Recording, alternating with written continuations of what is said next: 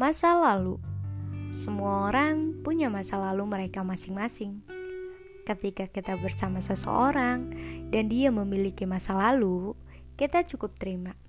Kita nggak ada hubungannya sama sekali dengan masa lalunya, terlebih ingin ikut campur ke dalam hal tersebut. Masa lalunya ya milik dia sendiri. Walaupun saat ini kamu sedang bersama dia, bukan berarti segala hal yang ada pada dia itu menjadi urusanmu. Aku setuju. Kita ketika memiliki pasangan, gak usah urusin atau ungkit-ungkit lagi masa lalu masing-masing. Akan tetapi, satu hal yang menjadi permasalahan menurut aku.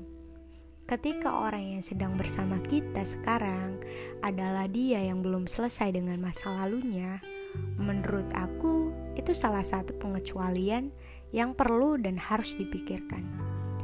Bukan gak mau menerima atau gak mau memaklumi, hanya saja bagi aku orang yang belum selesai dengan masa lalunya itu adalah orang yang tidak siap untuk membangun dan menjalani hubungan yang baru.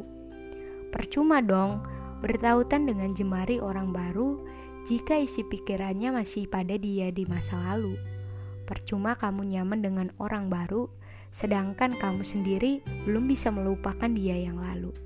Terlebih ya, gak ada satupun orang yang bisa mengubah kamu atau setidaknya membujuk kamu sendiri untuk lepas, untuk melupakan, untuk mengikhlaskan segala hal di masa lalu.